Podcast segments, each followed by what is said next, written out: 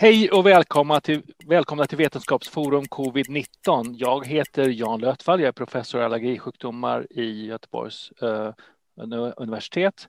Jag har dessutom epitetet hobbyepidemiolog och vid förra mötet så blev jag också utnämnd till hobbyvirolog, vilket man får se som en, en stor ära. Så tack den som, som föreslog det epitetet. Eh, idag ska vi prata om deltavarianten och reserestriktioner och vilka är bättre att diskutera det här med än Anders Wahlne, eh, professor emeritus från Karolinska institutet. Välkommen Anders! Tack så du ha. Och så har vi Leif Bjermer som delar sitt liv mellan Norge och Sverige, sitter just nu i Norge, men är professor i lungsjukdomar vid Lunds universitet. Välkommen Leif. Tack, tack. Berätta var du sitter någonstans nu. Ja, nu sitter jag i Namsås. Det ligger i nivå med Östersund i princip, då, eh, ut mot fjordarna där. Och du har båt uppe i norra Norge och åker ut på havet ibland? Ja, Mm. Och nu ska du resa till Sverige? Jag åker imorgon, ja. Och det är inga problem? Nej, det är inga problem att, att resa till Sverige. Det är det inte. Eh, jag måste ha... Jag har med mig corona eller vaccinationscertifikat och också eh, alla papper på att jag har en, eh, en bostad så jag kan ha hemmakarantän när jag kommer hem tillbaka. Så att de sakerna är på plats. Ja, vad bra. Eh, det är lite grann det vi ska prata om och folk är intresserade lite grann av hur vi kan resa i sommar, hur vi kan röra oss, hur vi kan umgås och så vidare. Ni är jättevälkomna att ställa frågor i chatten på Facebook. Fredrik Ydhag som är vår professionella producent här sitter och sorterar frågor och skickar dem till mig. Vi hinner sällan alla, men ställ gärna frågor för att eh, eh det är det som skapar dynamik i, i, i mötet. Eh, jag vill också eh, tacka alla er som lyssnar och säga det att de här sändningarna kan vi bara göra tack vare att eh, ni bidrar för att eh, det är ju professionell sändningsteknologi som används och eh, det kostar lite pengar. Ingen av oss eh, Vetkov-medlemmar, eh, seniora professorer och annat får självklart någon ersättning utan vi eh, ställer vår tid eh, till förfogande utan någon ersättning. Men däremot har vi omkostnader, så vi är jättetacksamma för ert stöd att, att göra detta. När, när lämnade du Norge sist då, Leif? Hur, hur har ditt liv sett ut sedan pandemin började? Ja, alltså första jag pendlade ju fram och tillbaka varannan vecka då. Fram, jag kommer ihåg den 13 mars 2020. Då var jag och hade ett uppdrag i Stockholm. Det var en fredag. Det var en fredag. Jag kommer ihåg det så väl. 13, precis. Mm eh, opponerade på, eh, var opponent i Stockholm, fick reda på då att jag egentligen inte hade lov att resa ut ur Norge. För då var risken att jag inte komma hem igen. Så det blev rätt snabb retur. Och sen dess eh, har jag bara varit nere någon eh, vecka eller några veckor i taget. Sist var det i somras, så det är rätt länge sedan. Och då, och då har du rätt som, som delvis boende i, i Norge då att att uh, sköta det hela med hemkarantän? Ja, det har varit, jag, du menar i hemarbete, ja. Jag har gjort ja. det. Så det är mycket som har skötts via webben. Sen, um, sen har det varit uh, hotellkarantänplikt nu ett bra tag, så att därför har jag inte kunnat åka ner. Nu har det lättat som tur är. Ja, det var, det var ganska kostsamt har jag förstått. Ligger på någonstans kring 5 000 norska per dygn eller någonting sånt där? Nej, det, alltså, den norska staten subventionerar, så du betalar då 500 kronor per dygn på hotell ja, okay. i tio dagar, så det är 5 000, men det är väl mer tiden då som är. Ja, ja, ja. Men, men det var tvunget för alla. Nu är det. Nu kan du om du kan uppvisa bevis på att du har så att säga bostad i Norge då, så kan du eh, göra karantän hemma under förutsättning att du har tillgång till egen toalett och kan avskärma dig. Så att, För sen har man familjen. ytterligare nu då, så om du är fullvaccinerad och kan uppvisa ett eh, coronavaccinpass så slipper du karantän. Så ni har coronavaccinpass i Norge redan? Det har vi, ja. Du loggar in på det som kallas hälsonorge.no och så eh, får du då ett, eh, ett eh, coronavaccinationspass med OCR-kod som du kan visa upp i din mobiltelefon till exempel. Mm, smidigt. Ja, det har vi inte riktigt ännu i Sverige vad jag vet, eh, men vi jobbar ju på det och ska få det snart säger de. Eh, får man ju ladda ner. Vad sa du Landers? Ja, första juli har de lovat. Men ja. Leif, Leif, eh, när du bodde du på tio dagar på ett så här karantänhotell? Nej, jag behöver inte göra det nu, utan jag grejen är att jag har sonen med mig och han är inte vaccinerad så att jag måste stanna med honom. Men vi kan då bo i, alltså ha hemmakarantän. Okej. Okay. Och det är ju när man då kommer ner under 150 smittade per 100 000 så går du över från eh, hotelltvång till eh, hemmakarantän. Och nu i Sverige så ligger vi som nu när vi ska vara i Skåne där är aktuella siffror där är 128 per 100 000 så då klarar vi oss från hotell. Så vi får hoppas att det fortsätter gå ner. Då. Går det under 25 så slipper vi karantän överhuvudtaget. Planerar du några resor, Anders Wahlne? Nej, jag, det enda resa jag gjort, jag är ju skriven i Stockholm och men har tillbringat de sista 15 månaderna i princip i Båstad. Mm.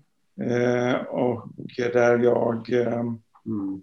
har ett hus. Och, eh, och tack vare internet så är det ingen som märkt att jag inte varit här i Stockholm. Vågar påstå. Vilket datum flyttade du ner, Anders? 25 mars. Det var lite efter oss andra då. Det var 12 eh, dagar efter oss andra, för jag flyttade till landet nära Lysekil den 13 mars, precis som Leif gjorde. Eh, fredagen den 13 mars och sen dess. Jag har varit ute lite grann och vi behövde göra en resa som vi gjorde på sommaren förra året, men då var det ju ganska lugnt vad det gäller smitta. Men eh, annars har vi varit här hela tiden. Sonen bor i lägenheten i Göteborg. Ja. Och, och, visst, det är fantastiskt att vara här, men det är skönt. Det skulle vara skönt att sätta sig på ett flygplan och åka till Italien och äta, dricka en god flaska vin och äta en god måltid. Ja, ja. Jag håller med dig. Delta, eh, Danmark har vi har pass redan, säger Kerstin Mentyle. Eh, ja, jag förstår inte att det ska vara så långsamt i Sverige. Det är lite tragiskt, lite tråkigt. Jag är en vaccinpassexpert i gruppen. Jag frågar ja, precis. precis. Du eh, eh, och Camilla Källner Armst säger att det finns knappt några restriktioner alls för att resa in i Sverige. Stämmer det Leif, du som planerar att resa in, resa in i Sverige? Uh, ja, nej, det, inte från Norge i alla fall. Det ska kunna gå rakt in. Uh, jag får uh, i alla fall jag som är vaccinerad. Eh, nu däremot sonen, så för säkerhets skull ska jag kolla upp nu så att, eh, vi, inte, eh, så att vi inte behöver göra en snabbtest, PCR-test innan vi reser in. Och då får vi göra det på gränsen. Mm. Ja, det finns några antikroppstester som går på 15 minuter. Ja, just det, precis. Antigentester också? Mm. Ja, antigentester. Mm. Man tar in en pinne och så får man svar på 15 minuter. Mm. Jag har en sån box med 25 tester. Nu har jag använt kanske fyra av dem. Mm när barnen kommer hit så testar vi dem innan de får uh, florera i vardagsrummet och vid, vid middagsbordet uh, inomhus. Uh, så det, det hoppas vi ska funka. Det planerar vi inför, uh, inför midsommarhelgen också, hela familjen här. Deltavarianten, Anders, det är, det är lite oroande med den där deltavarianten och, och berätta ja, lite. Det är det. Den är jag menar, eh, kom ihåg här nu, vi hade ju det som kallas för alfavarianten som kom efter, eh, efter Wuhan-varianten som var den som startade hela. Och eh, den här alfavarianten introducerades i Sverige i början av året. Mm. Först, i år alltså. Och, eh, den, på bara en två månader så tog den ju över totalt och var över 90 procent av alla. Så det, det blev ju de facto en ny epidemi av, med den här nya varianten. Och eh, vi har ju ställt oss frågan i gruppen och inte minst Stefan Einhorn har gjort det att eh, om inte den hade kommit, eh, den, eh, den här alfavarianten eller brittiska varianten som också säger, Eh, hade det bara varit Wuhan där hade det klingat av då? Ja, jag tror att det hade gjort det, men kanske inte lika fort. Den hade inte försvunnit lika fort som den gjorde tack vare, eller på grund av snarare, att eh, den här brittiska varianten plötsligt tog över. Men det är ju otroligt där att eh, vi hade ungefär som vi har idag då, säg drygt eller knappt 200 fall för eh, i början av året eller i slutet av januari. Och Och sen plötsligt i slutet av mars så var det totalt dominerande. Och... Det verkar som den smittar fortare och tar, tar, de som smittas får B117 som den brittiska eller alfavarianten heter innan de Ja, får... alltså grejen är att det, det, den brittiska, eller då alfavarianten, den var ju mer smittsam eller spreds mer på två sätt. Va? Dels var de som var smittade utsöndrade mer virus. Mm. De producerade mer virus över luftvägarna. Och så band virus bättre in till receptorerna vilket gjorde att eh, alla blev mer mottagliga. Och det här är ju en, en, en, anpassning av virus till människa. Och den indiska varianten som ju nu har haft eh, ja, i princip en dryg miljard människor och, och, och, och, prövat sig fram på, där har vi nu fått en som är ännu värre. Och eh, jag vet inte vad siffrorna säger. Delta 2, delta... Delta, deltavirus som vi kallar det nu. Och varför man ska ha tre namn för ett och samma virus, det förstår jag inte riktigt. Det är väl för att dribbla bort eh, kanske någon. Men delta eller indiska variant som vi kallar det för, den, den, eh, den är alltså typ 50% mer smittsam. Säger de. Eh, exakt hur man räknar ut det där, det vet jag inte. Jag är ingen epidemiolog.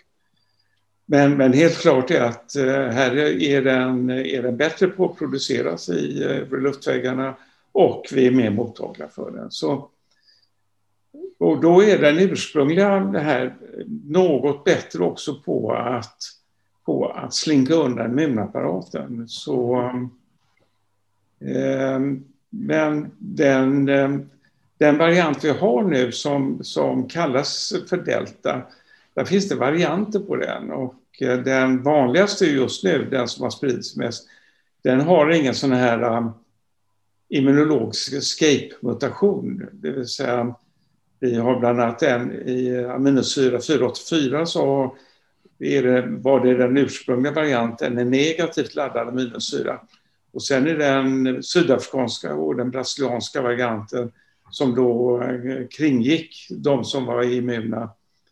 Den har då en positiv laddad aminosyra där, men den indiska ursprungsdelta har inte det. Men Sen har det kommit, och är ganska vanligt i Indien, en som också har fått en positiv laddad aminosyra, men inte den samma som i, i Sydafrika och i Brasilien. Men, Eh, och det här gör det lite jobbigt att eh, läsa, läsa eh, den vetenskapliga litteraturen, för man säger inte alltid om man har den här förändringen i 484 när man till exempel tittar på neutraliserande antikroppar, alltså i sådana här provrörstest och ser om, om, om de antikroppar som vi utvecklat när vi har fått infektioner eller blivit vaccinerade, om de fungerar eller inte. Så, eh, så eh, i värsta fall så är det ännu sämre med den nya varianten när den får den här eh, mutationen. Och ska komma ihåg, även den brittiska mutationen har fått, som inte hade den här eh, förändringen i, i aminosyra 484, den har i Sverige också förändrats till att få en positiv laddad. Så det, det, det ser lite scary ut tycker jag. Det... Ja, de där mutationerna behöver ju inte ske nödvändigtvis i Indien. Det kan mycket väl hända absolut. i Sverige. Absolut, absolut. Det, det, är klart att det finns mer att träna på i Indien, fler människor och, och, och utnyttja Indien än i Sverige. Men eh, det, det, det är ju så här med slumpen, den, den, har inget minne och den kan uppträda precis var som helst. Det är en av mina, mina favorituttryck. Slumpen har inget minne. Mm. Uh, det är helt, helt sant. Uh, li, lite sidetrack här en sekund. Camilla Källner Amft säger att hon gillar min frisyr. Hon har inte varit sedan frisyren sedan 8 juli 2020.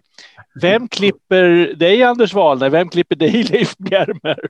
Jag kan säga att jag har också med min hustru fick mig till att ändra frisyr. Nu kan man göra bakåt. Eh, tidigare haft sidbenen men det, håret stretar lite emot. Det är inte så mycket som stretar emot i och för sig, men det lilla som finns där. Det, ja, det är, det är lite tunnare än det brukar vara även här, så att, eh, men jag låter det bara flyga iväg. Ja. Kanske ska till frisyr någon gång i juli, frisör någon gång i juli tänkte jag. Anders, ja, Leif, vem jag, klipper dig? Jag, jag, jag, jag, går till en frisör och betalar 500 norska kronor plus 60 kronor coronatillägg för en klippning av det här lilla. det är dyra hårstrå. Ja, så är det. Och den blekning också antar jag, eller? Vad sa du, Anders? Då får, han, då får Leif en blekning av håret också. Det... ja, det skulle vara det. Jag tror den är naturlig den blekningen. Jag misstänker ja, det i alla fall. Eller? Du putsar ögonbrynen då? Ja, När vi träffades första gången Leif, har varit ditt eller mitt hår så här ljust som de är nu. Men det, det var över 20 år sedan. Ja, Christian Bergqvist säger här, en av våra eh, regelbundna tittare och, och eh, stödmedlemmar. I början sa man att coronavirus eh, nog muterar ganska långsamt. Mm. Eh, och det har ju inte riktigt stämt, eller också har det stämt fast det har varit så otroligt stor spridning på det och ändå har det liksom dykt upp mutationer. Anders, har du någon kommentar på det? Alltså jag vet inte vad man menar med långsamt. Det här eh, jag trodde det skulle gå långsammare för ett år sedan, men det var innan jag hade tänkt till ordentligt, för det här är ju ett nytt virus hos människor och det måste anpassa sig till människor. Mm. Det, detta virus, ehm, när det förökar, när det, det förökas i cellen, arvsmassan, så har det ju ett eget enzym. Det här är ett RNA-virus eh, som ska göra nytt RNA och det, det gör vi normalt inte i våra celler, så att virus måste ha med sig verktyget för att göra det här. Och det verktyget eh, det ser till att det korrekturläser också så att ehm, blir det ett fel så ska det egentligen rätta till. Men betänk här att här har vi en cell som blir infekterad med en viruspartikel kanske producerar 10 000 nya virus, eh, RNA. Och eh, då gör det inte så där förfärligt mycket för virus om det blir fel här och där. Så det, så ehm, det här till skillnad från oss, om vi ska, när vi förökar vår arvsmassa så får det inte bli fel. Så är det bara. Men här spelar det inte så stor roll, för om, om bara 100 av de här 10 000 som produceras, alltså eh, en procent blir, blir okej, okay, så, så kan de infektera 100 nya celler i princip. Ehm, så det sker misstag.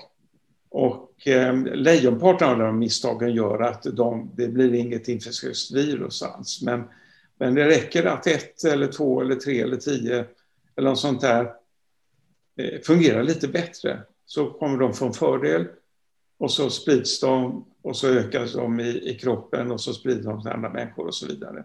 Så eh, ja, det, det, är rätt så tillvida att så här stora virus eh, som detta är med så stor arvsmassa vad det gäller RNA-virus så, så brukar det inte ske några förändringar därför att eh, virus har inte råd med det. Men, men här har det ju fungerat och skälet är ju just att det är nytt hos människan med all sannolikhet. Och det är väldigt många eh, virus som har replikerat. Om man tänker efter hur många människor som har blivit smittade, kanske en miljard, kan det väl stämma? Ja. Miljard, säkert en miljard människor som har fått smittan. Eh, det är en gissning, publik, det är gissning, men, men det är många eh, som inte är bekräftade förstås. Och så all, alla celler som infekteras och det är tusen virus per cell och det är miljardtals celler i varje människa, så det blir väldigt många händelser om man säger så. Så det kommer miljardtals mängder virus i ett, i ett salivprov bara? Va? Ja, eh, precis. Och då, och då blir det liksom tusentals miljarder eh, virus i en, i en kropp. Mm. Anders dricker ett gott rosévin. Lite av det får vara. Eh, eh, Camilla Kjellrams frågar vad innebär att aminosyran blir positivt laddad? Jag kan försöka förklara det. Vi har det här i spike-proteinet och så finns det aminosyror, eller, säga, byggstenar i, här, i, den här stora strukturen som sticker ut ur viruset som bestämmer dess struktur. Och om det är positivt eller negativt laddad, är det som gör att det här proteinet får en viss form. Eh, om någon av de här aminosyrorna ändrar laddning, då knuffas liksom resten av proteinet om lite grann. Och om det här sker, den här ändringen liksom i strukturen, sker på en plats där antikroppar binder så kan man ducka från antikropparna. Är det en vettig förklaring, Anders? Ja, det är rätt. Eh, det är, det, det, det är en stor skillnad eh, för eh, just den lilla delen av, av proteinet. Och kom ihåg, en antikropp, den, en, en enda speciell antikropp. Det är så här att när vi blir Eh, när vi har haft eh, covid eller om vi vaccineras så bildar vi mot olika delar av, av eh, det här proteinet. Och, men, men just den lilla, lilla del den består av åtta, i snitt åtta sådana här byggstenar, aminosyror. Vi har ju i det här alfabetet som de här byggstenarna, vi har 20 olika byggstenar. Eh, som då på olika sätt i, i, i, den ordning de sitter i den här långa kedjan av aminosyror så bestämmer det för hur, om, vi, eh, om, om proteinet ska bli en boll eller om det ska bli en avlång historia eller ska bli en avlång historia med en liten boll och så vidare som, som, eh, eh, som Jan berättade här. Och, och är det så att normalt sett en, en bra antikropp som binder de som, som hindrar virus för att ta sig in i celler binder till en, säg ett område på 20 aminosyror, om plötsligt en av dem blir positivt laddad istället för negativt laddad, så är det en jätteförändring. Eh, och då kommer inte de fungera längre. Så det, det, det, vanligaste som händer är att i mutationerna på spikeproteinet är att eh, antagligen att viruset inte infekterar mer alls. Ja. Men då, då sprids ju inte det viruset förstås, för det kan inte binda till AC2 som det binder till i cellerna, utan eh, det är de som får förstärkt bindning som infekterar mer och det är de som eh, får en struktur som duckar för aminokropparna, antikropparna som, eh, som sprids, sprids mer. Får jag fråga Leif en, en, fråga? Jag vet inte om du kan det, men receptorn för det här viruset heter ju eh, ACE2.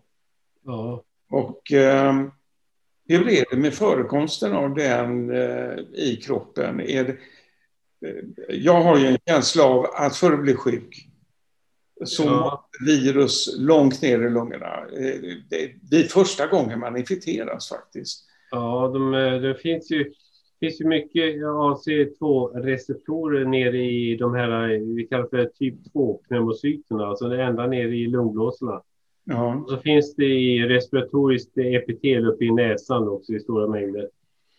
Så att, eh, men det, det, verkar som att om viruset går ner då, så det är det som ger den här bilden med, med en eh, lunginflammationbild som de får. Så det är, det är, de får inte en, ett astmaliknande tillstånd, utan de får alltså en organiserad lunginflammation.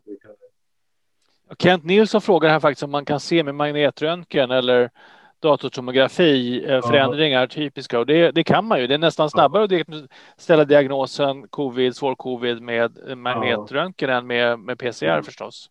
Det liknar väldigt mycket det som vi annars brukar kalla för organiserad pneumoni. Det, den är väldigt typisk bild. Alltså. Men den, den är inte så vanlig utan covid idag. Nej, den gör inte det. Men den är, och frågan är om det har dykt upp. Jag, jag, jag såg några sådana som var innan, eh, innan november 2019 så, som inte då diagnostiserades. Jag vet inte. Vi vet ju inte alls om, om det har funnits varianter tidigare. Vi, vi bara vet när utbrottet startade. Så att säga. Det, det, har ju läckt, det har ju spridits lite information om att det skulle ha funnits i Italien eller i Barcelona och så tidigare.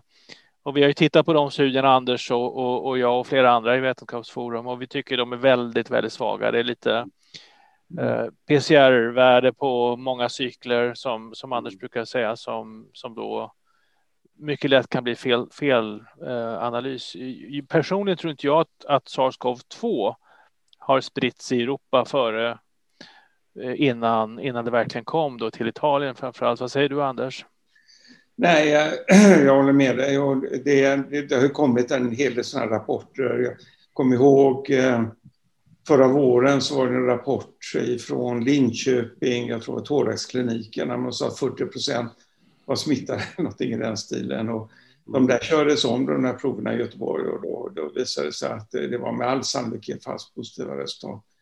Så, så det har varit, eh, man får ta väldigt mycket av den här fullständigt enorma mängden vetenskaplig data som kommer ut med, med en nypa salt av och till eh, och se var kommer den ifrån. Eh, och, och är, är, det, är, det, är det danska hjärtläkare som ger sig ut och, och, och gör epidemiologiska studier och, och på, på och munskydd.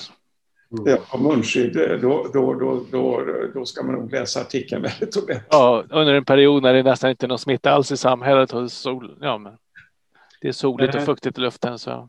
Leif? Det här med eh, AC2-receptor, det är lite spännande. Vi vet att patienter med aktiv astma, framförallt om de har en, en allergisk typ, alltså en sån, eh, verkar vara skyddade och det har man visat att de har lägre förekomst av uh, de här receptorerna.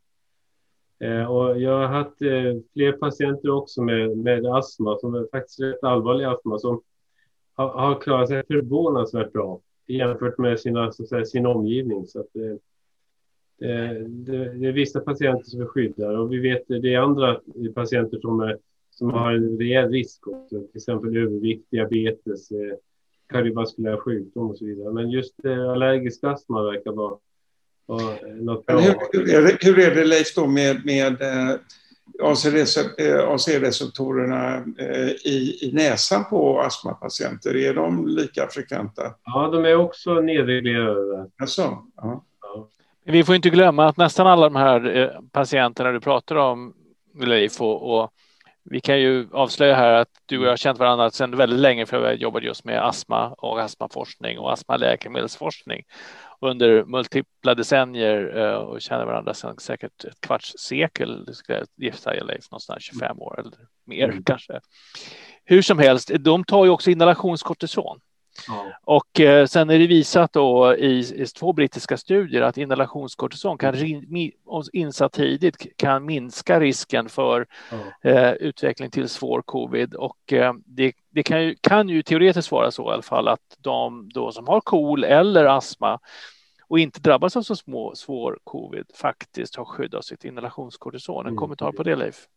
Ja, absolut, det, det är framförallt två stycken eh, kort, eh, steroider som verkar ha virushämmande effekt faktiskt. Och den ena är rätt vanligt använd i näsan, det är Mometason. Eh, och när det gäller den steroid som har bäst effekt i de nedre luftvägarna är ciklesonid. Eh, sen är det, den studie man har kört, det har man kört på budesonid. Den har en sån mittemellan effekt. Men det har ju fungerat där så att man har genom att ge eh, budesonid i högdos till dem som har fått konstatera smitta innan de har utvecklat sjukdom då, så um, har man kunnat eh, reducera risken för att utveckla allvarlig sjukdom med eh, drygt 20 procent det är rätt fantastiskt. Ja, det är rejäla siffror faktiskt. Mm, det Man hade, hade önskat att det var ännu mer, men, men det är som det är. Eh, Marie-Louise Smith Moritz eh, ställer en väldigt viktig fråga här som vi kommer komma tillbaka till sannolikt med en helt egen separat sändning. Kan vaccinering påverka fertiliteten? Snälla svara, det går så många rykten och det finns ett par studier som mm. antyder att spermiefunktionen är påverkad av uh, genomgången covid-19. Hur länge den effekten sitter i? Jag sitter en koltrast precis en meter ifrån mig, eller fyra, tre meter ifrån mig. Mm och sjunger. Den hälsar så mycket. Eh, eh, så att det finns lite evidens för det och vi eh, kommer säkert göra en, en, en, separat sändning kring det. För ingen av oss just som sitter här är pålästa, men det finns en italiensk studie, det finns en rysk studie och det pågår säkert mer. Någon snabb kommentar där, Leif kanske? Nej, jag har, men vi, vi har ju, alltså det finns ju många effekter. Vaccinationen inducerar en del inflammatoriska signaler som som blir utomordentligt mer förstärkt om du har en naturlig covid-infektion. Men jag menar det, så att det, det, är självklart att det man ser hos en naturlig covid eh, kan man också se snäv av om man vaccinerar. Så att det, mm. jag menar, det är ju att väga den ena risken mot den andra. Självklart ska man, ska man vaccinera sig, men uh, hur uttalad effekten är på, på fertilitet hos män och kvinnor möjligtvis. Uh, vad vi har data på, vad jag vet är på män i dagsläget så, så krävs säkert mer studier. Men vi återkommer till det här. Vi ska försöka rekrytera någon som verkligen kan de här sakerna, en androlog som det heter, mm. som kan det här med spermieproduktion och, eh, och titta mer på det. Uh, Medan du läser frågor kan jag Får jag ställa en fråga till Leif då? Bara. Ja, ja, jättebra.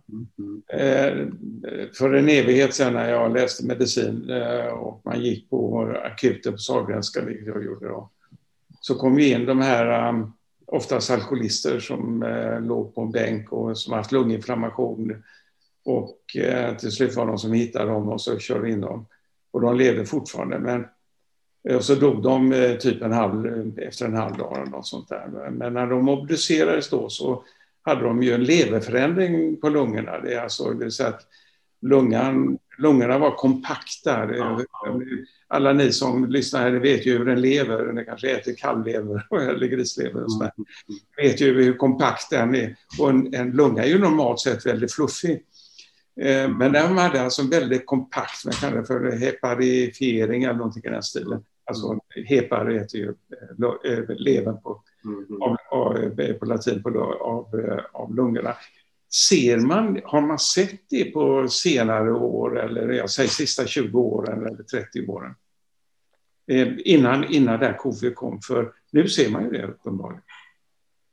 Ja, alltså, det, det, är ju, när det är så pass kompakt som du beskriver det så är det ju naturligtvis eh, eh, var det rätt o, eh, alltså ovanligt. Men jag menar, vi har ju sett, precis som det här jag sa vid ARDS och, och vid eh, organiserad pneumoni, så ser det ju förfärligt ut. Eh, men det som är förvånande det är ju att ibland så, så klarnar det upp. Men du kommer till en viss gräns där du kan alltså ha det helt eländigt, men du har fortfarande en del bevarat lungparenkim kvar som du kan andas med. Och sen verkar det som att kroppen har möjlighet att att, så att säga, restaurera det. Om du inte har fördärvat vävnaderna, om du har fördärvat det inre skelettet, då går det inte. Men det kan se väldigt, som du säger, leveraktigt ut. Ja, intressant. Ja. Alltså, det, eh, folk i allmänhet skulle se sånt här därför att eh, mm. det, det är att, att ta lätt på den här infektionen eller det, vi, vi, som, vi, vi, som har sett lite grann, vi är förvånade. Du, du, får ju rest, du får ju resttillstånd som du får leva med och jag menar, vi, vi bara väntar på att se. Alltså jag, jag ser de här med lång covid som har som går omkring och har, är, är liksom inte orkar någonting utan som till och med blir rullstolsbundna för att de har haft en svår sjukdom då, som inte går över. De, är, de har ju kroniska skador i sina luftvägar och det, det är ju för tidigt nu att säga hur länge det här ska hålla på, men vi vet att det är ett halvår, ett år. Det perspektivet och då har det, är det fortfarande klar, alltså de som har väldiga symptom. Så att, eh, det det, blir det är visat att, eh, att eh, det är ökad risk för lungfibros, vill jag minnas. Och... Ja, lungfibros och så framförallt du har ju, du får ju den här det som kanske är allvarligast i lungdelen här, det är ju de här mikropropparna som sätter sig och och täpper igen kärl och så får du då en, eh, en syrebrist och destruktion av, av vävnaden då i det området. Så det där hämtar sig ju aldrig. Va? Så att, eh, då får du, du slår ut då andningsdelar eh, i lungan och får då färre och färre som fungerar. Och det är det som gör att de blir väldigt lätt andfådda vid ansträngning och orkar väldigt lite. Så att, Ted Lindström äh, frågar här just om, om covid och blodkärlspåverkan och, mm. och eh, då har du tagit upp någonting. En sak jag ville nämna tidigare när vi pratade om AC2-receptorn är att det självklart mm. finns i kärlen väldigt mycket mm. sådana receptorer också. Det är ju det som det är en del av, av systemet som styr våra blodtryck. Mm. Så att äh, det är utan tvekan så att, att det händer mycket. Men sen vad man ser kliniskt på lång-covid är ju precis du säger lungproblem, hjärtproblem, eh, centralnervösa problem, trötthet och sådana saker. Cloudy brain. Mm. Uh, påverkan både på kärlen och sen så på de här blodplättarna, trombocyterna som gör att de mm. blir sådana här hyperklibbiga så att de bildar små. Så småproppar? Ja, småproppar ja, som täpper till. En sak som jag har hört från med vänner som har haft eh, covid är att de får ont i lungorna. De funkar ganska bra, men de har ont i lungorna. Mm. Har, har, du någon kommentar på det, Leif? Jag brukar säga att lungorna har ingen känsel, utan det är mycket märkligt fenomen det där. Utan det är oftast eh, kommer det från bröstkorgsväggen och andra områden. Då. Det, det, känns som att det gör ont inne. Förutom hosta, vi har ju lite känsel i luftvägarna, klart vi har. Men... Ja, det har vi, men inte just smärta. Nej. Mm. Så det tror du kommer från luft, bröstkorgen? Ja, det tror jag. Uh, en, väldigt viktig fråga vi har från Klaus Röjem och många andra. Det har ju florerat mycket på sociala medier och forskare som gick ut och konstaterade och påstod att spikeproteinet är farligt och vaccinerna kan bilda det här proteinet. Proteinet själv kan, kan skada eh, kroppen. Jag vill bara eh, snabbt förklara vad som händer med det här spikeproteinet när, det, när vi, vaccinet injiceras. Vi får in då till exempel ett mRNA-vaccin in i muskeln eller ett, eller ett AstraZeneca-vaccin. Och vad, vad, som än, hur man än gör det här så i, bildas det då protein. Spikeproteinet bildas inne i muskeln. Det där frisätts till vävnaden runt omkring och vandrar till lokala lymfkörtlar i första hand. Och det är där det händer väldigt mycket kring immunsystemet. Eh, det har ju eh, diskuterats som sagt om det skulle vara farligt på annat sätt eller skada andra organ och jag har inte sett några eh, vettiga data som, som stödjer det. Jag tror det var WHO som gick ut och sa bestämt att det är inte så att spikeproteinet bildat av vaccin är, är farligt. Någon kommentar Anders, sen Leif? Ja, alltså, till att börja med så är det ju en del förändringar i spikeproteinen som man har gjort för att göra det mer stabilt. Mm. Eh, vilket gör att eh, de här negativa effekterna uppenbarligen eh, eh reduceras i princip till noll.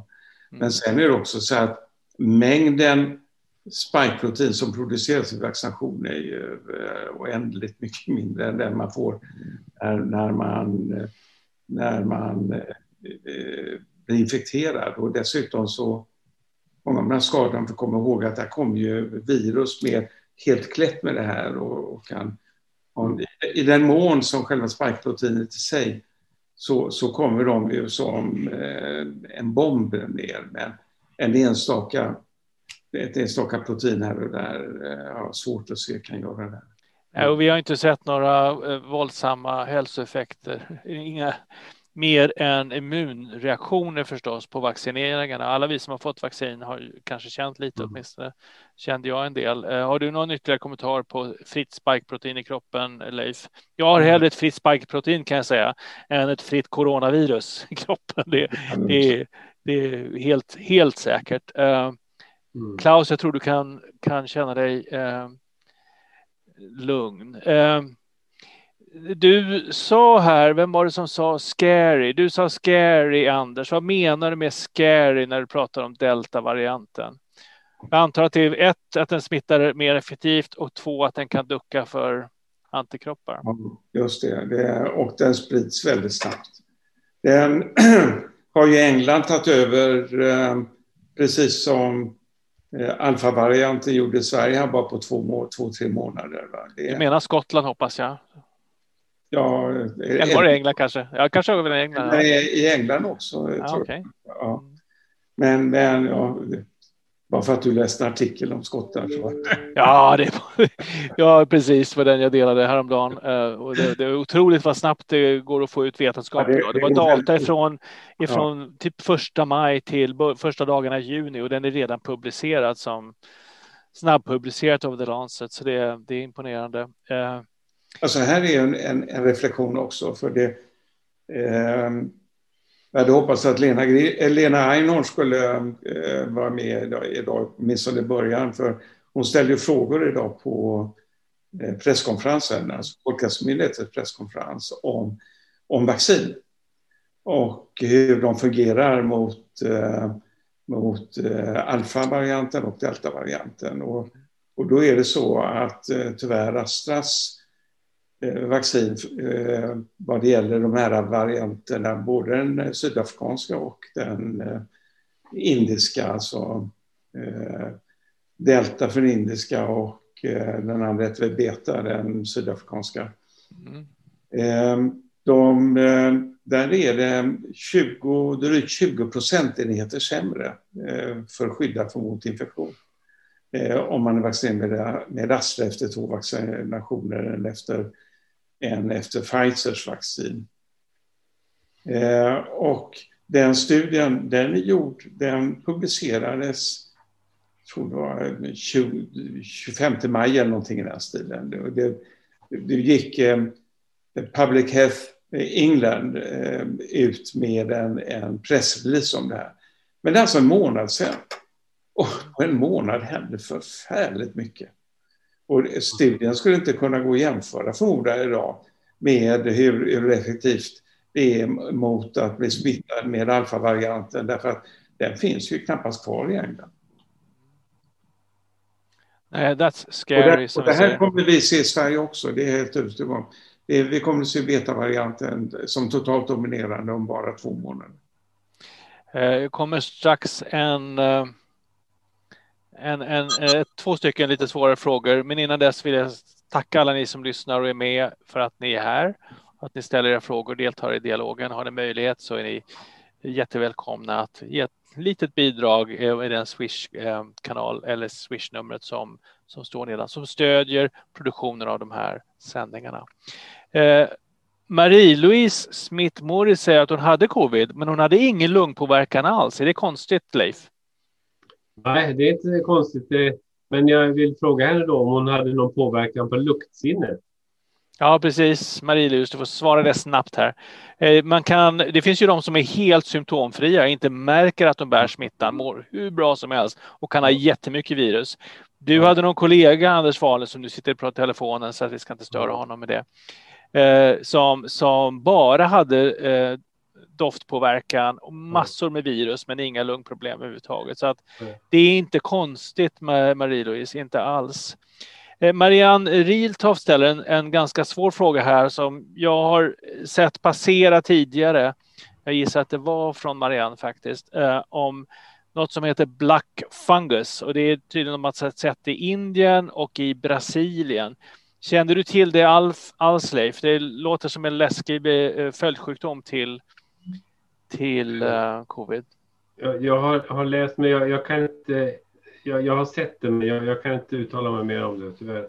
Kanske Nej, vi, vi får återkomma. Marianne, ge mm. inte. Ställ frågan igen när vi sitter här ja. och, och sänder så, så, så tar vi det upp. Vi har inte hört talas om något fall i Sverige i alla fall kan vi väl säga, utan, utan det verkar vara något som, som har hänt framför allt i... Eh, det är inte så att viruset bär med sig en, en svampsjukdom, Eh, utan det är ju någonting som finns då i omgivningen. Jag gissar att det inte ska vara ett problem i Sverige, men det är som sagt var en gissning.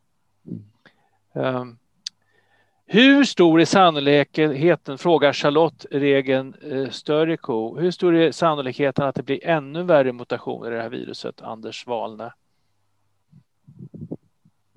Ja, det är ju eh, en, en fullständigt omöjlig fråga att besvara egentligen, därför att jag menar, det är klart, har nu en miljard människor eh, blivit smittade så, så har jag haft virus på sig ganska lång tid, eh, även om ett och ett halvt år är en förfärligt lång tid. Så. Men att det kan bli värre, det, det tror jag. Eh, men framför allt då när vi utsätter virus för, mm. för ett tryck. Och det gör vi ju när vi... Immunologiskt tryck menar du? Vaccintryck liksom? Ja. Låt mig jämföra det här med HIV där är ju ett av de virus där vi har lyckats utveckla väldigt bra eh, läkemedel eller sådana stoppmediciner som hindrar virus att föröka sig. Och, eh, eh, vi, ni som är lite äldre kommer ihåg där att eh, vid början av 90-talet när de här kom så utvecklade ju virus resistens mot vart och de här. Va? Och det var ju först när man hade tre, fyra stycken eh, på en gång som, som man kunde hindra viruset utvecklas. Och på den tiden så, så gick ju eh, de hiv-infekterade omkring med bärkassar med mediciner för de, de tog ju eh, fyra olika mediciner och det var tre av den ena och två av den andra och fem av den andra och så vidare. Och det skulle tas fyra gånger om dagen. Eh, vilket ju var ganska besvärligt. Idag så räcker med en tablett en gång om dagen som innehåller då tre eller fyra olika sådana här antivirala medel. Mm. Och, eh, men då tidigare så utvecklade vi, när vi utvecklade Stens så hade det en kostnad för virus, så att virus var inte lika aggressivt. Men sen så blev det då när det väl hade etablerat sig så utvecklade det nya mutationer som gjorde det lika aggressivt igen. Så det gjorde kompensationsmutationer. Och vad jag kan se här är nu att vi kommer att få så kallade escape mutants, det vill säga sådana mutationer som gör att de antikroppar vi får när vi vaccinerar oss, de fungerar inte riktigt lika bra. Och eh, ibland så kommer det kosta virus lite grann, men då kommer det att förändras i andra delar av virus som då kompenserar för det här. Så det här är ingenting som slutar nu, men hade vi, hade vi inte gjort någonting eh, så, så hade det kanske stannat upp tidigare. Men jag, jag tror tyvärr att vi, vi kommer att se en förändring. Och det, det positiva här är dock, jag läste idag, inte en vetenskaplig artikel utan en blänkare om att Astra har gjort nu ett nytt virus, ett nytt vaccin som tar de nya varianterna, de här så kallade de här eh, varianter av koncern och förändrat, eh, tagit de här förändringarna i, i spikeproteinet. Och de hade fungerat. Och det, där har det varit eh, lite osäkert därför att vi har någonting i immunologin som vi kallar för original sin, vilket, bland annat, eh, vilket framförallt kommer från influensa. Att har man haft en influensavariant och sen vaccinerar med en ny variant så, så, kommer inte den, så kommer inte kroppen känna igen den nya varianten utan den kommer känna allt, igen allt det som var den gamla varianten och spä på det bara. Men här har det tydligen fungerat väl. Så, så just den biten ser ljust ut. Jag skulle tippa då att vi i, i höst här kommer att vi som är vaccinerade nu, vi kommer att få en påspädningsspruta med, eh, som tar de här nya elaka varianterna. Robert Sandberg hälsar här att min idol är Anders Wahlne. ja, jag är lite positiv där. Leif? jag, jag, jag tittar lite på det där med Black Fungus. ja, vad bra. Du har på läst på lite. Eh, det är, eh, jo, det som är, nu kommer jag ihåg vad det var. Alltså det var så här att man ser hos de här individerna som har fått höga doser kortison och i tillägg då har diabetes som komplikation. Där har man då, de blir alltså så nedtryckta immunologiskt att de drabbas av en svår svampinfektion. De kan drabbas av också candida, men också den här speciella svampen som finns framförallt i, i delar av Indien. Så det är alltså, det, det, det bara visar hur viktigt det är när man behandlar eh, covid, att man liksom behandlar med rätt medicin i rätt fas. För när de har en sån där hyperinflammatoriskt tillstånd som, som är skadligt för kroppen, då ska man ge höga doser kortison under en period, men man ska inte hålla på under väldigt lång tid. Där man, för då, då försvagar man eh, immunsystemet och då kan man få sådana här komplikationer. Ja, så var det. Nu känner jag igen det. Och så ska man vara observant på svampinfektion självklart mm. eh, i den. Marie-Louise Smith, Morris säger här, hon hade ingen påverkan på luktsinnet, men hon hade hög feber och mm. magproblem, diarré. Och till och med låg inlagd på grund av att hon var dehydrerad då antar jag. Det har ja. vi ju hört också att det är väldigt mycket virus i tarmen faktiskt. Ja. Mm. Leif, spring ja, vidare. Ja, det är tarmen och det är eh, sekret som är där man finner de största mängderna. Däremot väldigt sällan eh, några mängder i blodet. Så det, det kan ju, och det, ju, det var ju rapporterat tidigt att det kunde vara så symptom på covid, att man fick eh, mycket tarmproblem. Jag hörde från någonting från Kina att det kanske bästa prov, provtagningen för att se om man har virus, det är inte näsa och inte saliv, utan det är avföring faktiskt. Mm. Eh, jag vet inte om det, det, det är inte så populärt att ta sådana prover i Sverige. Vad sa du där Anders? Nej, jag skulle säga det att man, man, ofta så är det kvar i tarmen och i avföringen längre än vad det är i mm. luftvägarna. Precis. Ja.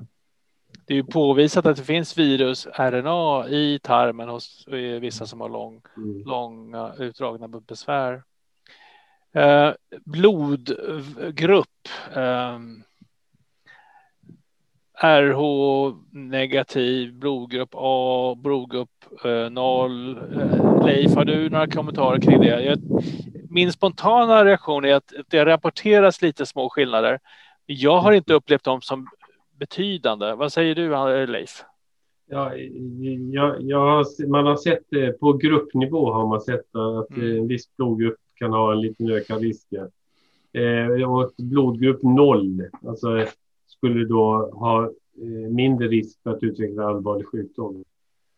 Men, mm. men Monica frågar om man har mindre risk att bli smittad och mitt svar på den frågan är sannolikt inte, utan smittan är helt oberoende av din blodgrupp. Teoretiskt kan det finnas en skillnad i hur svårt sjuk man blir. Mm. Så att eh, det kommer alltid lite kommentarer här kring eh, hur man ska göra, hur man ska lyda eh, Folkhälsomyndigheten eller vetenskapsreportrarna på Sveriges, Sveriges Radio och Sveriges TV. Eh, okay. Och de har pratat tydligen om deltavarianten och tycker att vi ska, eh, även om vi är fullvaccinerade, eh, nej, tills dess vi är fullvaccinerade att vi ska hålla avstånd och tvätta händerna fortsatt. Vad säger vi om det, Anders? Det är väl en jättebra ja. idé, men det finns lite mer man skulle kunna göra. Ja, på just det här, jag, jag kan berätta då att eh, jag är ju numera frilansjournalist och medlem i Svenska Journalistförbundet eh, och får därmed ställa frågor på Folkhälsomyndighetens presskonferens. Jag har två gånger eh, eh, också ansökt om att vara med på regeringens och, och, och socialdepartementets eh, presskonferens. Och det var än idag då eh, socialminister Lena Hallengren och eh, Johan Carlsson, generaldirektör för, för, för Folkhälsomyndigheten, hade en presskonferens kvart över ett på eftermiddagen. Så, och jag fick vara med där och, och fick länken och, och men det hände samma sak att när alla andra hade ställt frågan och, och det bara var jag kvar, för man ser alla andra som, som är där, för det är ungefär som en solkonferens. Varje som är med där, som ska ställa frågor, de, som ska ställa frågor, de, de eh, syns. Eh, och så får, får, man då med eh, räcka upp en hand eh, i den här lilla rutan. Och Eh, och, och, när det äntligen kom till mig, ja då, då avslutade de presskonferensen. Jag fick inte ställa någon fråga. Och det hände för eh, två veckor sedan också. Men vad jag hade tänkt eh, prata om då, varför jag kom på det här nu, det är att eh, någonting som Folkhälsomyndigheten inte kan erkänna och det är att det här är en luftburen smitta. Mm. Då kan jag berätta för er att det här med, det är inte så lätt att visa och lätt att övertyga, inte ens läkare, att eh, saker och ting är luftburna. Och ta TBC, så var det först i mitten av 1900-talet som man lyckades övertyga alla människor om att det var faktiskt en luftburen smitta. Ta mässling som är det kanske mest smittsamma virus vi överhuvudtaget känner. Det eh, det tog faktiskt till mitten av 1980-talet innan man, man erkände att det var en luftburen smitta och att det kunde smitta på väldigt långt håll. Var, varför är det här viktigt då? Jo, därför att eh, som Folkhälsomyndigheten säger att eh, det räcker om man är två meter från, att man håller avstånd så, så är man i princip skyddad. Och genom att då förneka, vilket de gjort vid, vid frågor, att det här är en luftburen smitta och är den luftburen så är det väldigt undantagsvis, så innebär det att, att eh, folk inte skyddar sig på rätt sätt. Och eh, att det är inte är lika smittsamt som mässling, det, eh, det, det, det säger ingenting om hur det smittar. Och eh, jag eh, personligen är ganska övertygad om, eh, vilket är enormt svårt att, att eh, bevisa på något sätt vetenskapligt, är att för att bli svårt sjuk här så måste man andas in ganska stora mängder av aerosol av de små, små eh, dropparna som är mindre än, än röda blodkroppar eh, in, så att de kommer ner i lungorna direkt. För är det, blir man smittad bara i munnen eller ögonen eller någonting i den stilen så sätter, även om, om virus är duktigt på att eh, gå undan det naturliga immunförsvaret, så sätter det igång det. Så även om man då efter några dagar producerar väldigt mycket, mycket virus ur luftvägarna och andas in det givetvis, så, så har kroppen, eh, är kroppen redan på sin vakt. Utan det är just det här att ta kroppen eller lungorna längst ner i lungorna eh, eh, off guard. Eh, det, det, det, tror jag. Det, jag, jag säger det, nu spekulerar jag vilt här. Eh, men eh, man kanske kan kalla det för educated guess ändå. Eh, så är det det som gör att man blir sjuk. Och så att det viktigaste sättet på, det, på detta virus sprids så att man blir dödligt sjuk, det är via aerosol. Det är via, och, då behöver det inte, och det är klart att aerosolen är ju mer koncentrerad i närheten av en infekterad person.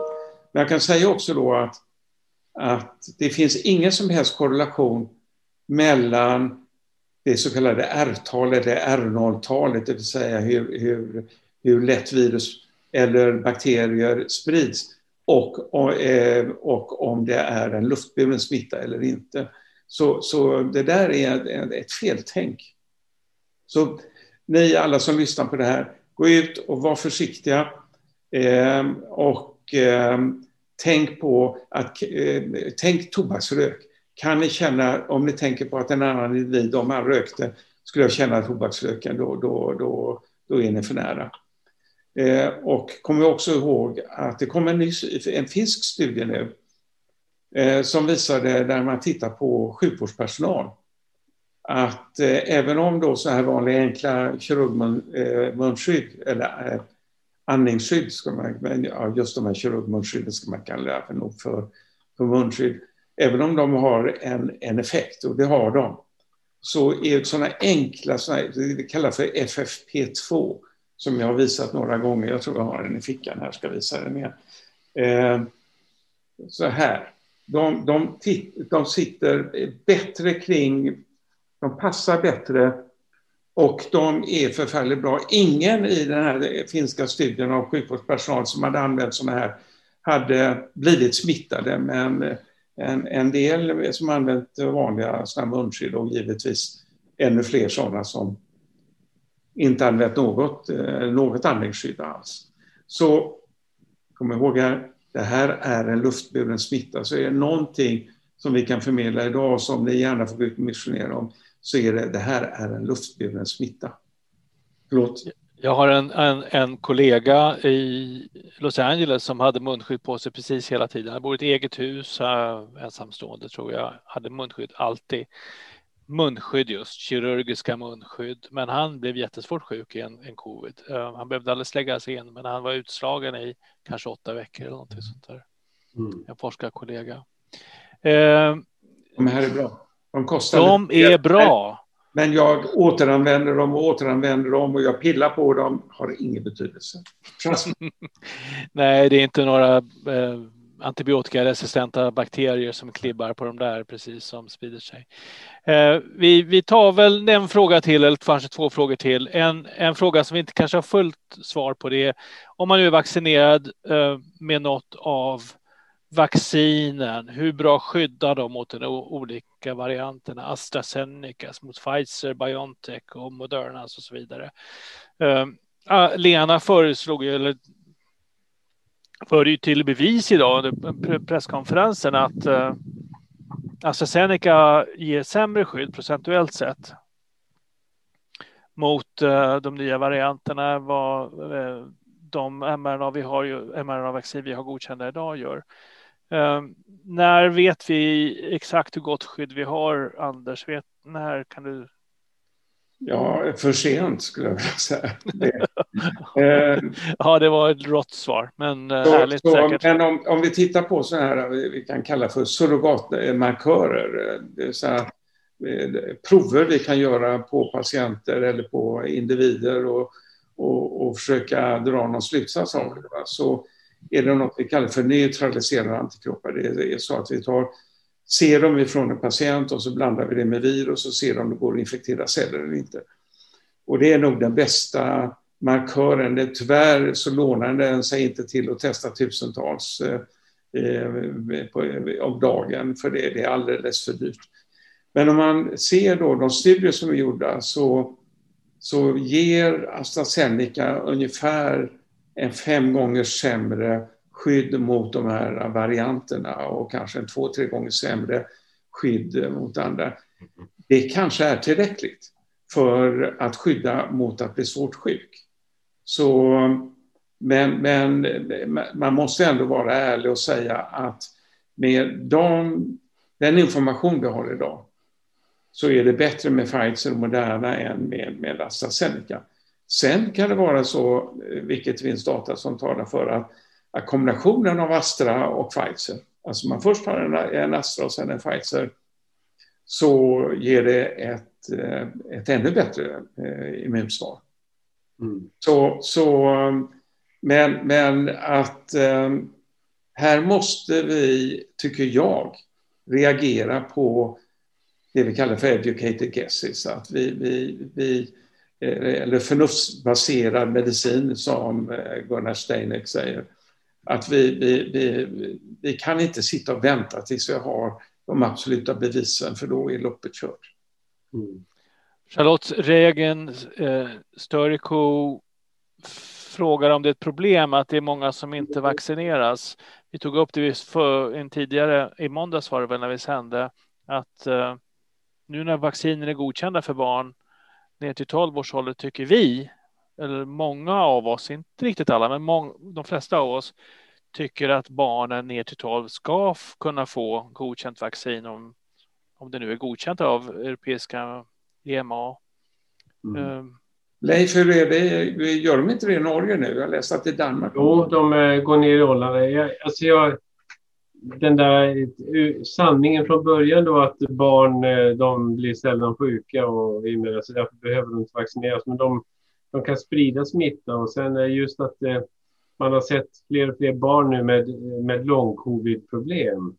Eh, det tycker jag är alarmerande. Så att, eh, det är både för, för, att skydda sig själva men också för att minska smittrycket i samhället så behöver man vaccinera så många som möjligt. Barnen är ju väldigt rörliga också så att de har ju betydligt fler kontakter än vad vi vuxna har. Emelie Midbeck säger här, jag har precis haft covid, ska jag gå omkring och vara rädd att få delta nu i sommar? Det första vi ska säga är att under sommaren så tror vi att smittspridningen inte kommer vara så uttalad och eh, det är flera skäl till det. Det ena är att vi lever på ett annat sätt. Vi sitter mycket mer utomhus, men det är också mycket fuktigare i luften och det minskar generellt sett all luftburen virussmitta. Så det, det är ett skäl varför vi kan eh, kanske vara lite mindre oroliga för sommaren. Men eh, om våra skydd mot delta, vad tror du om det, Anders Wahlne? Ja, det är inte bättre än, än, än AstraZeneca, för att vara elak. Men ja. jag, skulle, jag skulle vara försiktig över sommaren och sen så ta, eh, vaccinera eh, mig efter, eh, säg en 6-8 veckor. För, Gärna med ett vaccin som är mot den nya varianten, eller hur? Ja, I, bästa fall, ja, om det finns då. Men, men eh, vilket vaccin som helst eh, så, så ger den boost och eh, skyddar. Så, eh, låt inte bli att vaccinera dig bara för att du har haft eh, infektioner. Nej, precis. Eh. Vad säger ni om, får jag fråga Anders om det, vad säger ni om, behöver, om du har haft naturlig covid, du ska ändå ha två sprutor. Jag vet inte, man har funderat på om det skulle räcka med en så att säga. För att...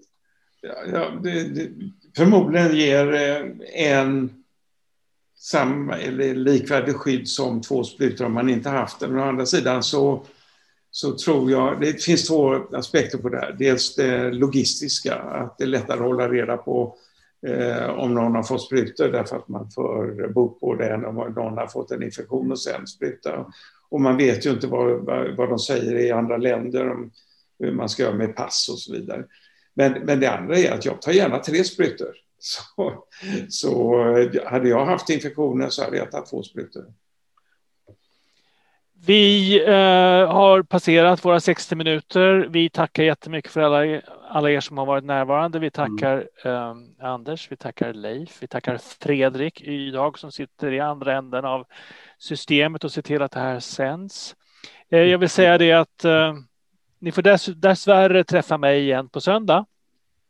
Jag ska ha väldigt intressant, uh, intressanta gäster på söndag, nämligen två stycken narkosläkare. Ola Stenqvist Eh, har varit professor i Göteborg i anestesiologi som det heter och kan väldigt mycket om det här med, med eh, intensivvård. Och en eh, annan docent som heter Ulf Eriksson som har jobbat i Mellansverige och även har jobbat under föregående år har mycket information om hur covid-19 tas om hand eh, i, i intensivvård. Jag tycker det, tror det kan bli spännande, spännande samtal.